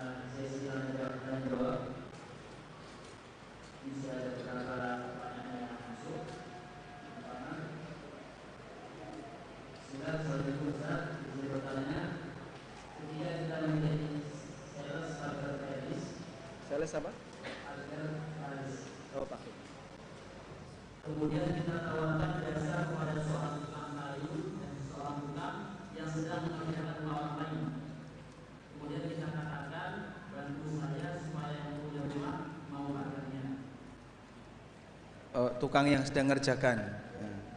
Terus, nah. Masya Allah. Ya. Memang aneka celah itu terjadi pada seseorang. Eh, baik, ini sebentar, minta tolong untuk disalurkan ke depan. Nah, berarti diulang ini Ustaz pertanyaannya ya. Nah. Nah, baik. Tolong diulang yang tadi. Yang tadi mana? Udah hilang. Biar pemirsa bisa dengar. Bismillah, Assalamualaikum Ustadz, izin bertanya Ketika kita menjadi sales pagar teralis Kemudian kita tawarkan jasa kepada seorang tukang yang sedang mengerjakan rumah orang lain Kemudian kita katakan bantu saya supaya yang punya rumah mau pagarnya Nanti kamu tak kasih persenan Apakah yang demikian termasuk menyogok Ustadz? Jazakumullah khairan. Masya Allah, baik. Memanfaatkan orang dalam agar bisa masuk ke dalam ya. Boleh nggak kayak gini Pak?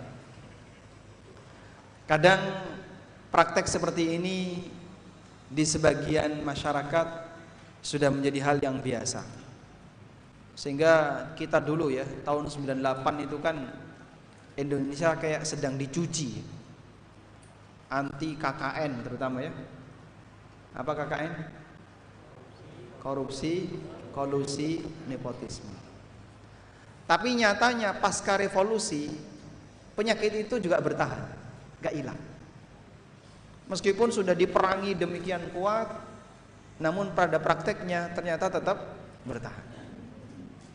Nah, salah satunya adalah masalah nepotisme. Nepotisme terutama dalam proyek. Kalau nggak melalui orang dalam atau kenalan, susah pak untuk bisa menang. Sehingga pilihannya melalui orang di dalam, kenalan atau sogok. Nah yang kayak gini hukumnya bagaimana? Hukumnya jelas nggak boleh. Hukumnya nggak boleh. Baik, bahkan itu bisa melanggar hukum di Indonesia. Nah sekarang kasusnya seperti tadi, tukang ini kan bukan orang dalam, karena dia ya pekerja lepas. Selama dia sedang bekerja pada pemilik rumah itu, maka status dia seperti orang dalam. Sehingga kalau kemudian Anda menawarkan jasa teralis, ini kalau langsung menawarkan ke pemilik rumah bisa jadi nggak mau lewat tukang saja, biar tukang yang manas-manasi. Nanti kalau tukangnya sudah manas-manasi, sudah panas, ya tinggal disulut kan langsung bulat-bulat. Kemudian ada kerjasama dengan tukang, tukangnya dikasih persen seperti ini. Wallahu alam, mungkin bisa jadi itu masuk kategori sokok. Karena sebenarnya mereka sedang mempengaruhi pemilik rumah, konsumen, ya, untuk mau belanja tapi kerjasama antara pemilik tralis, sales tralis dengan tukang. Nah yang kayak gini tidak boleh. Maka kami sarankan Anda bersaing sehat saja, lakukan secara organik, normal, tidak usah pakai sogok-sogokan, bayar-bayaran. Dipahami ya? Sehingga misalnya ya berani sampaikan kepada pemilik rumah. Kalau Anda menawarkan pagar tralis atau pagar stainless dengan harga sekian, insya Allah kualitas kami bagus dan harganya bersaing dengan yang lain. Masalah dia mau terima dan tidak terima, tawakal kepada Allah sebab dalam mencari sebab rizki kita harus pastikan itu apa? halal. Wallahu a'lam. Tanya selanjutnya. Bolehkah kita membeli emas di, tema, di teman pegadaian di tempat apa teman teman ya teman pegadaian mungkin secara, di tempat. tempatnya. Di tempat pegadaian. Hmm. secara cash dan langsung. Secara cash dan langsung. dan langsung. Baik. Sekarang coba kita bicara tentang masalah hukum gadai secara umum ya. Hukum gadai secara umum. Gadai itu boleh atau tidak pak? Eh? boleh. Apa dalilnya? Apa dalilnya? Kalau gadai itu boleh. Katakan yang tahu. Sebutkan dalil bolehnya gadai. Rasulullah menggadaikan baju besi kepada Yahudi karena apa? Membeli gandum, masya Allah, dapat hadiah ya. Anda dapat hadiah syarah usul salatah. Baik. Sebutkan dalil dari Al-Qur'an bolehnya melakukan transaksi gadai. Di sini yang banyak hafal Quran kan?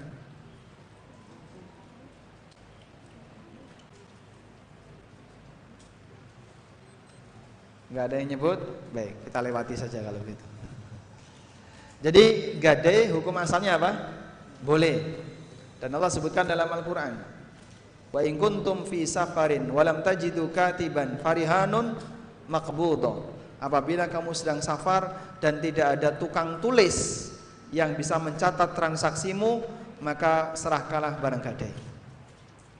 Aturannya nomor satu, barang gadai itu tidak boleh dimanfaatkan oleh orang yang menerima gadai. Sehingga kalau si A menggadaikan sawah kepada si B karena A utang 10 juta. Terus dibuat perjanjian. Selama utang ini belum lunas, maka B boleh memanfaatkan sawah itu. Perjanjian seperti ini statusnya perjanjian yang batil, tidak boleh. Karena kalau B memanfaatkan barang itu berarti B terhitung memanfaatkan barang gadai dan tidak boleh memanfaatkan barang gadai. Sudah? Yang kedua, aturan yang kedua. Jika A tidak bisa lunas, maka barang gadai tidak otomatis pindah hak milik jadi milik B. Saya ulang ya. Jika A tidak bisa lunas tepat waktu, maka barang itu tidak otomatis pindah milik jadi milik B. Paham di sini? Baik. Sehingga kalau Anda utang ke saya senilai 5 juta. Tak kasih 5 juta, terus Anda menggadaikan motor. Baik. Ini saya kasih utang 5 juta. Batas waktunya 2 tahun. Akhirnya saya bawa motornya. Selama 2 tahun Ternyata dia nggak bisa bayar. Apakah motor ini jadi hangus, jadi milik saya? Tidak. Motor ini milik siapa? Tetap milik si A yang utang. Sehingga saya tidak berhak memiliki motor itu. Sampai di sini, Pak? Baik. Oleh karena itu kalau ada orang yang gade emas, dia nyerahkan emas ke bank sebagai jaminan, lalu dia dapat utang. Atau dia nyerahkan emas sebagai jaminan lalu dia mendapatkan utang dari pegadaian Maka dalam posisi ini ketika dia dapat utang dari pegadaian, jikalau misalnya uh, apa orang ini nggak bisa bayar, maka emas itu tidak otomatis pindah hak milik, sehingga tetap jadi milik siapa? Yang berutang. Sudah? Terus solusinya bagaimana agar orang ini bisa mendapatkan pengembalian utang karena kan sudah lama. Udah lebih dari jatuh tempo sementara emasnya atau barangnya tidak bisa dijual. Belum pindah milik.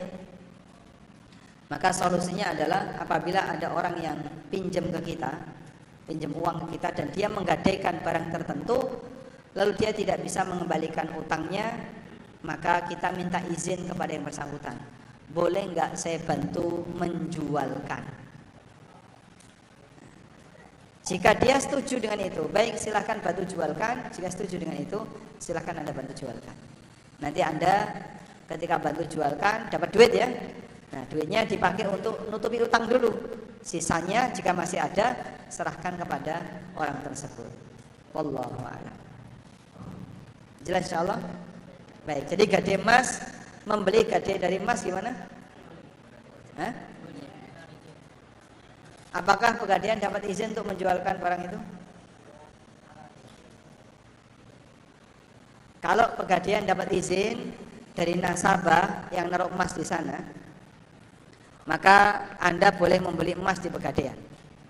Tapi kalau mereka belum dapat izin, pada asalnya tidak tidak boleh. Wallahu a'lam. Sebelum dilanjutkan ini ada pengumuman uh, mobil dengan plat B1 276 VB mungkin bisa tolong dipindahkan karena menghalangi jalan. Barakallahu fikum. Mobil dengan plat B1276 VB bisa dipindahkan terlebih dahulu. Barakallahu mobilnya jenis apa? Hah? mungkin dia lupa plat nomornya. Oh ya karena nggak bawa STNK jenis mobilnya apa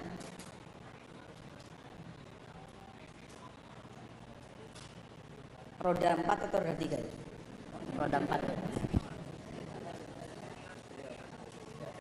belum ada ya belum baik baik yang merasa silahkan bisa menyesuaikan selanjutnya Mobil Darius.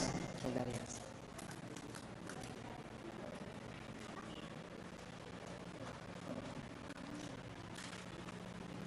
Oke, dilanjut. Assalamualaikum warahmatullahi wabarakatuh. Ustadz mohon izin bertanya Bagaimana cara menyadarkan saudara yang bekerja di dunia perbankan? Waalaikumsalam warahmatullahi wabarakatuh. Bagaimana cara menyadarkan saudara yang bekerja di dunia perbankan? Memang terkadang dakwah itu kepada keluarga bisa jadi lebih berat. Karena keluarga itu tahu masa kecil kita. Kamu dulu sering ngompol, sekarang kok ngomong kayak gini. Padahal dulu yang namanya sering ngompol ya hampir semua anak kecil ngompol. Kamu dulu sering maling mangga. Sehingga alasan waktu kita di masa kecil, kejadian-kejadian yang kurang berkenan di waktu kecil itu dijadikan sebagai penghalang dia mau menerima dakwah. Dan sampai saat ini seperti itu masih banyak. Makanya dulu Nabi Musa alaihissalam pada waktu beliau berdakwah kepada Firaun, Firaun mengingatkan kepada Musa, kamu dulu kecil tak rawat, sekarang kok kayak gini. Kemarin kamu membunuh orang Mesir, terus melarikan diri. Sekarang datang-datang pengen ngejak kita untuk meninggalkan agama kita, nggak bisa lebih susah untuk menerima. Sebab Firaun merasa Musa telah banyak berbuat salah. Menurut anggapan Firaun. Padahal beliau benar dapat wahyu dari Allah Subhanahu wa taala dan diberi oleh Allah Subhanahu wa taala kitab Taurat. Maka terkadang ketika kita berdakwah tapi kita punya pengalaman yang kurang baik, itu bisa menjadi salah satu penghalang dakwah. Sehingga dai itu dituntut untuk bisa menjaga diri. Hati-hati betul, jaga diri betul. Karena kamu diawasi oleh banyak orang. Ya meskipun tujuan utama bukan dalam rangka untuk mencari perhatian orang. Tapi kadang mereka juga berpikir, selama saya masih bisa menjaga diri, insya Allah ketika saya bicara masih banyak orang yang mau mendengarkan.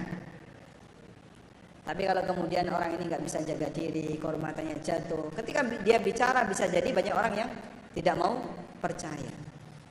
Baik. Nah intinya saya sarankan kalau memang anda tidak sanggup untuk mengingatkan saudara, maka saya sarankan gini aja, anda ajak saudara untuk datang ke kajian yang membahas masalah dosa riba. Ya, semoga dengan itu beliau bisa mendengarkan langsung dari ustadz atau dari penceramah dan harapannya nanti bisa meninggalkan pekerjaan yang saat ini dia geluti. Wallahu a'lam atau mungkin bisa dikasih link YouTube ya. Nih ini tonton nih YouTube atau audio ini kamu dengerin ya. Karena di sini menjelaskan tentang bagaimana status pekerjaan kamu. Nah, seperti itu akan lebih meyakinkan. Wallahu a'lam. Selanjutnya, jika yang mencari nafkah adalah suami dan istri mempunyai usaha bersama apakah status apakah sebagai suami yang seharusnya jadi tulang punggung keluarga menjadi tidak ideal sebagai suami dalam Islam? Apakah ada kesalahan bagi suami jika yang mencari nafkah demikian yaitu mencari nafkah berdua dengan istri? Suami masih kerja nggak? Masih ya masih masih kerja di luar tapi istri punya usaha. Ya. modalnya dari suami kalau usaha bersama itu. Kurang lebih. Baik. Atau tadi usaha bersama ya mungkin modal dari suami istrinya yang menjalankan. Nah Allah subhanahu wa ta'ala menyebutkan suami akan tetap menjadi imam bagi keluarganya jika dia bisa memenuhi kebutuhan nafkah mereka. Allah Ta'ala berfirman, Ar-rijalu qawwamuna 'ala an-nisa'i bima faddalallahu ba'dahum 'ala ba'din wa bima anfaqu min amwalihim. Lelaki itu adalah imam bagi para wanita disebabkan karena Allah ngasih kelebihan kepada mereka. Sehingga lelaki punya keunggulan melebihi dari perempuan. Wa bima anfaqu min amwalihim dan disebabkan karena mereka menginfakkan hartanya. Oleh karena itu, selama dalam sebuah keluarga, posisi lelaki adalah tulang punggung keluarga, insya Allah Pak, keluarga ini masih memungkinkan untuk diajak jadi baik. Tapi kalau dalam sebuah keluarga, istrinya yang menjadi sumber pendapatannya, maka bisa jadi keluarga ini tidak bisa dikendalikan menjadi keluarga yang baik. Sehingga istrinya bekerja, suaminya di rumah ngomong anak. Dibalik ya Pak. Kalau sudah seperti itu, kebalik seperti ini, berarti uh, kodrat keluarga yang baik itu sudah goyang. Nah yang seperti ini lebih sensitif terjadinya perpecahan, perpisahan dalam keluarga. Baik, makanya bapak-bapak tetap jaga bahwasanya Anda adalah orang yang berwibawa di keluarga Anda, jaga wibawa itu dengan memberikan nafkah bagi mereka, anggota keluarga. Selanjutnya, bagaimana kalau istri punya usaha yang modalnya dulu dari suaminya, suaminya kerja di luar, lalu istrinya dikasih modal oleh suaminya. Apakah keuntungan dari usaha itu bisa menggantikan nafkah? Kata kuncinya begini. Usaha dalam keluarga itu dibahas dalam ilmu tentang akad kerjasama baik mudorobah maupun musyarakah sedangkan masalah nafkah itu dibahas dalam ilmu tentang fikih keluarga masalah nafkah itu dibahas dalam apa? fikih keluarga sudah? Nah dua hal ini jangan dicampur kalau dua hal ini nyampur, nanti jadinya bingung. Maka caranya dipisahkan. Masalah keluarga, masalah keluarga, masalah muamalah kumpul masalah muamalah. selesaikan masing-masing. Suami melakukan akad kerjasama dengan istri, statusnya adalah masalah keluarga atau muamalah? Muamalah. Ya, selesaikan dengan cara muamalah. Caranya gimana Pak? Selesai dengan masalah muamalah. Caranya adalah pembagian hasil berdasarkan kaidah muamalah. Misalnya dapat untung, nah, untung kan dibagi pemodal sama pengelola. Pemodal berapa persen, pengelola berapa persen. Nah dari situlah ketahuan harta istri di sini sekian. Harta istri di sini sekian. Ya. Sedangkan dalam urusan fikih keluarga, maka dikembalikan kepada asas bahwa suami berkewajiban memberikan nafkah kepada istrinya. Suami berkewajiban memberikan nafkah kepada istrinya. Sehingga dalam hal ini suami tetap harus ngasih nafkah walaupun istrinya kaya. Kenapa tetap harus ngasih nafkah? Hmm? Karena kewajiban kepala rumah tangga apa? Menafkahi istrinya, walaupun istrinya kaya. Walaupun istrinya punya banyak duit, tapi suami tetap wajib ngasih nafkah ke dia. Maka dalam hal ini kalau bapak bekerja dan istri bapak bekerja di rumah, lalu hasil dari istri eh, bagaimana nasibnya? Ya dikantongi pribadi. Sedangkan hasil dari eh, ayah digunakan untuk belanja bulanan. Wallahu a'lam. Insya Allah dipahami ya. Ini sampai ada orang yang komen kayak gini. Saya buat apa mengizinkan istri saya kerja? Toh nanti kalau dia punya duit dipakai sendiri. Suaminya nggak boleh minta. Dan nafkah tetap wajib diberi oleh suami.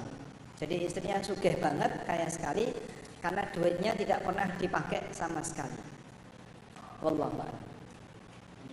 Lanjut. Ya? Lanjut. Lanjut silakan.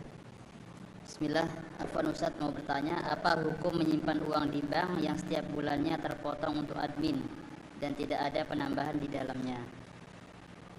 Apa hukum menyimpan uang di bank yang setiap bulannya kepotong admin, tidak ada penambahan? Alhamdulillah. Kata kuncinya selama tidak ada penambahan insya Allah aman.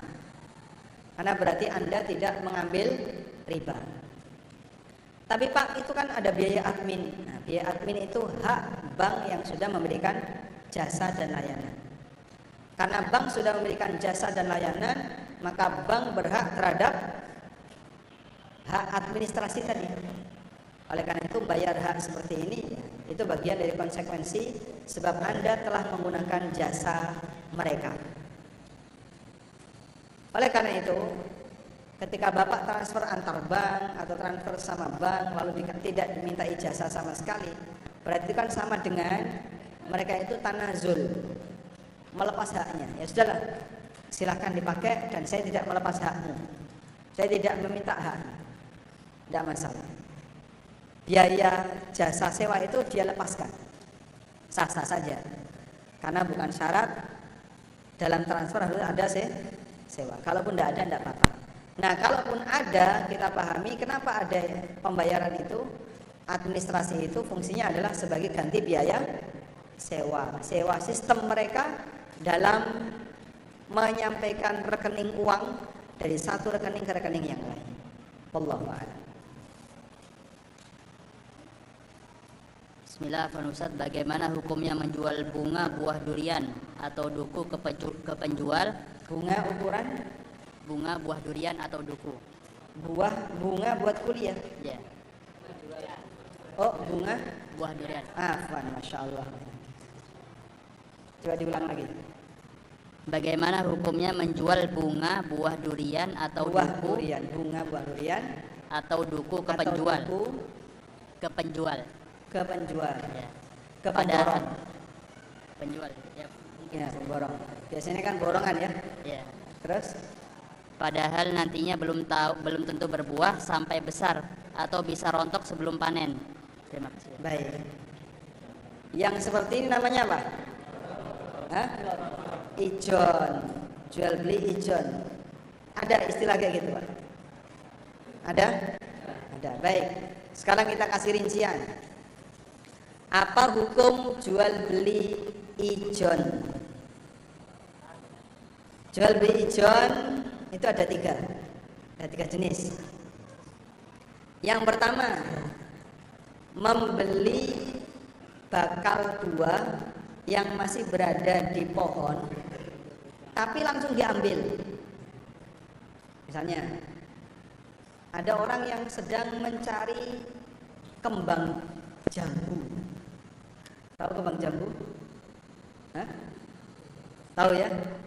Namanya apa? Isinya pelem arane apa? Telok. Kembang jambu jenenge apa? Karo. Ya. Nah, itu katanya dipakai obat katanya ya. Boleh nggak Pak beli seperti itu? Boleh. Kenapa? Karena langsung di, diambil. Jadi nggak ada goror, nggak ada goror. Di daerah Gunung Kidul, Yogyakarta ya, kalau pas lagi musim lama nggak turun hujan, kemarau, sapi itu dipangani jagung.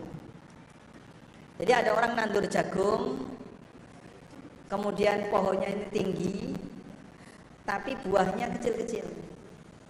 Itu dibeli, langsung ditebas, kasihkan sapi.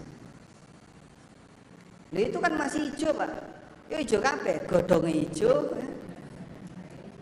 Jagungnya belum keluar, masih jagung kecil itu namanya apa? Hah? Putren. Ada. Istilah sini beda dengan yang sana ya. Nah, transaksi ini boleh kenapa? Karena langsung di diambil. Sehingga kembangnya langsung diambil boleh. Nah, makanya termasuk misalnya ya, menjual kurma hijau itu tidak boleh. Kurma muda. Tapi Pak, kita waktu umroh itu kan banyak sekali kurma muda, kurma muda, biar subur, biar subur ya. Ada simbah-simbah itu beli kayak gitu. Zaman saya. Simbah itu kok yang ini apa ini? Katanya biar subur Pak Ustaz. Ternyata dipakai untuk anaknya yang lama nggak punya anak. Cuman kita sampaikan semua itu hanyalah sugesti, belum tentu benar. Yang ditawarkan di eh, sekitar Masjidil Haram maupun Masjid Nabawi mau kurma muda, mau apalagi buah durian atau apa pun namanya, yang benar cuma satu khasiatnya, pasti khasiatnya itu benar. Zam-zam. Selain itu masih meragukan. Sudah? Kembali ke sini. Jadi kalau langsung diambil hukumnya apa? Boleh. Yang kedua, jual beli tanaman dengan cara borongan. Jual beli tanaman, hasil tanaman dengan cara borongan dan dalam kondisi sudah siap untuk dipanen. Hukumnya boleh. Misal pari ya, pari ini padi sudah waktunya dipanen. Lalu ada pedagang lewat, dilihat, langsung dibeli borongan. Wes, parimu dua petak, dua petak ini tak tuku. Dihitung, nah piro? Dia ngitung, nah, ngitung luasnya berapa dan seterusnya. Ya kurang lebih ini nanti akan keluar dua kintal. Kurang lebih hasilnya dua kintal dibayar dua kintal. Nah, namanya ngitung seperti ini, ada nggak Pak faktor penyimpangannya? Standar deviasinya itu ada nggak? Plus minus berapa itu ada ya? Nah, kalau plus minusnya ini kecil, boleh. Misalnya dua kintal plus minus 3 kilo itu boleh atau dua kintal plus minus 10 kilo itu masih boleh karena masih kecil tapi kalau plus minusnya besar dua kintal plus minus setengah kintal. Kokean ini pak. Tidak boleh. Harus diperkecil plus minusnya. Maka yang ngitung kudu pinter. Sampai dia bisa ngitung plus minusnya kecil. Ini yang disebut dengan jual beli sistem jazaf. Jual beli dengan sistem jazafan adalah jual beli dengan cara borongan dan itu syaratnya orang yang ngitung borongan ini harus pintar, tidak boleh ngawur. Paham ya? Nah di zaman Nabi SAW seperti itu biasa. Kurma satu kebun dibeli satu orang sebelum dipanen. Tapi sudah siap, sudah siap dipanen, tinggal ngambil. Baik ini tak beli semua berapa? Dihitung ada sekian pohon, lalu dilihat populasi buahnya sekian, tak bayar sekian.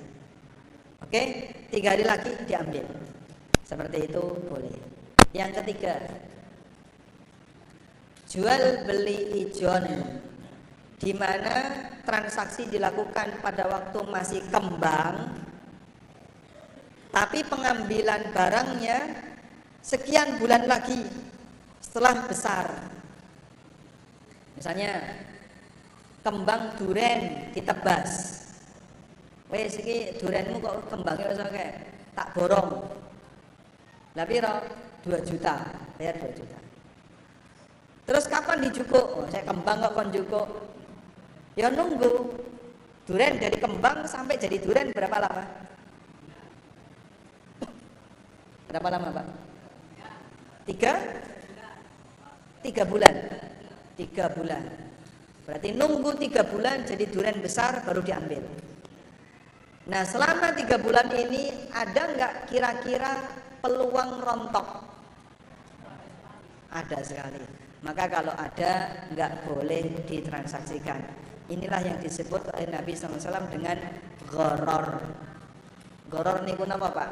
Transaksi yang objeknya masih belum jelas bisa berhasil bisa gak gagal niki buatan bareng karena golor. Dipahami insyaallah alhamdulillah. Dua pertanyaan lagi tadi ya silakan.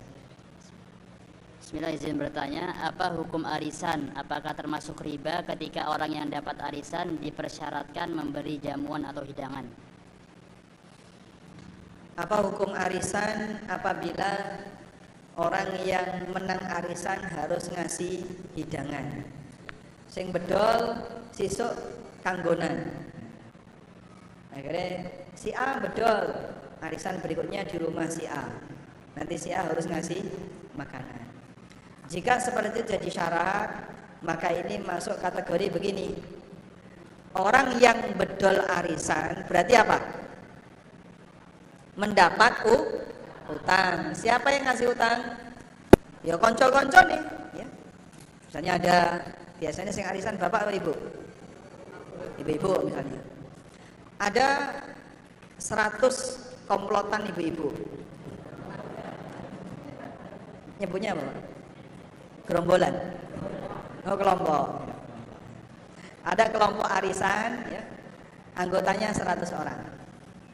Ya, bedol tiap hari iurannya misalnya 10 ribu bedol tiap hari sampai 100 hari tiga bulan maka orang pertama dapat itu kan berarti dia diutangi oleh 99 temannya kalau orang ini diminta kamu harus ngasih makan ke 99 orang ini berarti yang memberi hutang dapat manfaat makanan itu masuk dalam kategori kullu qardin jarra naf'an riba.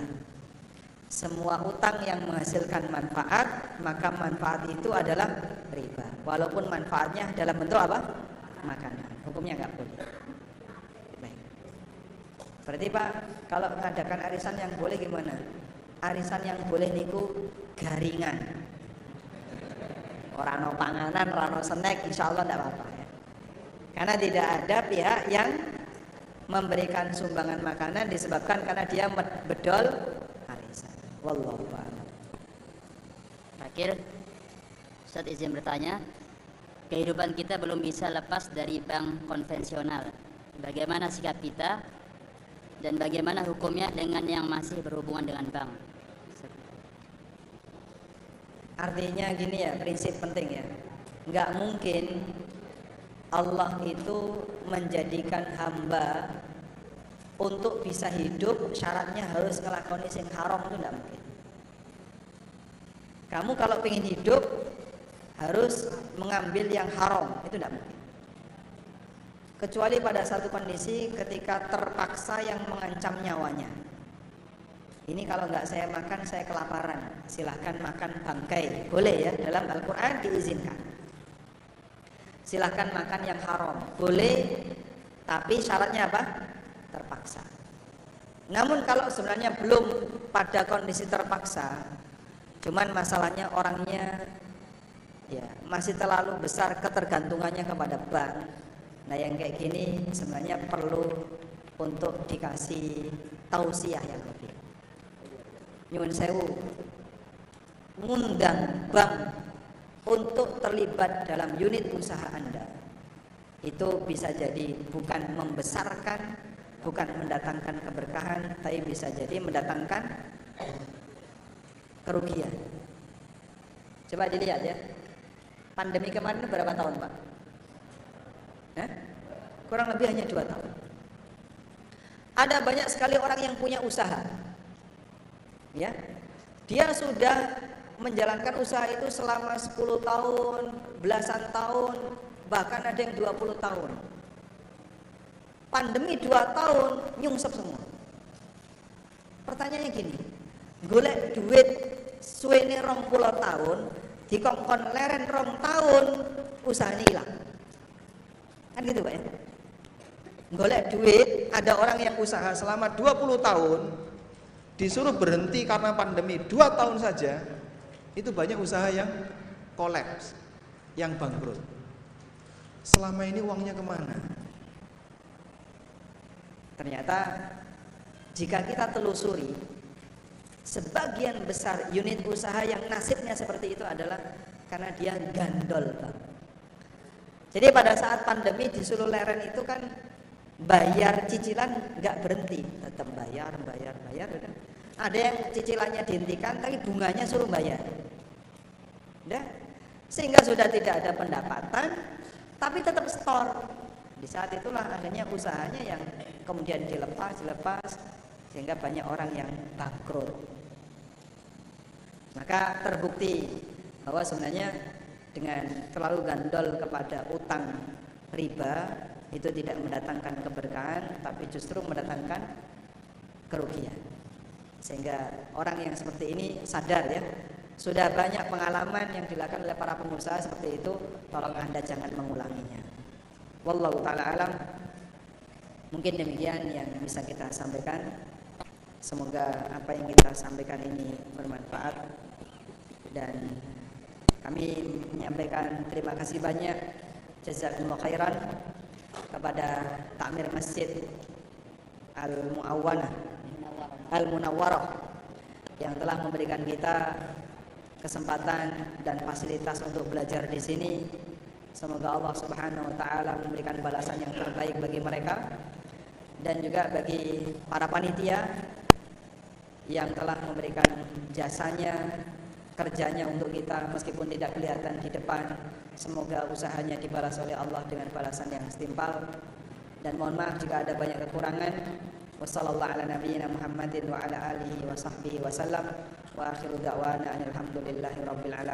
Wassalamualaikum warahmatullahi wabarakatuh. Warahmatullahi wabarakatuh. Jazakumullah khairan kathiran kami haturkan kepada Ustaz Amin Nurbait atas materi yang telah disampaikan. Mudah-mudahan materinya bermanfaat dan bisa kita praktekkan dalam kehidupan kita sehari-hari. Kita cukupkan kajian tablik akbar pada pagi hari ini dengan bersama-sama membaca hamdalah dan doa kafaratul majlis. Alhamdulillahirrabbilalamin. Subhanakallahumma wa bihamdika asyhadu an la ilaha illa anta astaghfiruka wa atubu ilaik. Kami selaku moderator mohon, mohon maaf jikalau dalam membimbing berjalannya acara ada kesalahan kami mengucapkan mohon maaf yang sebesar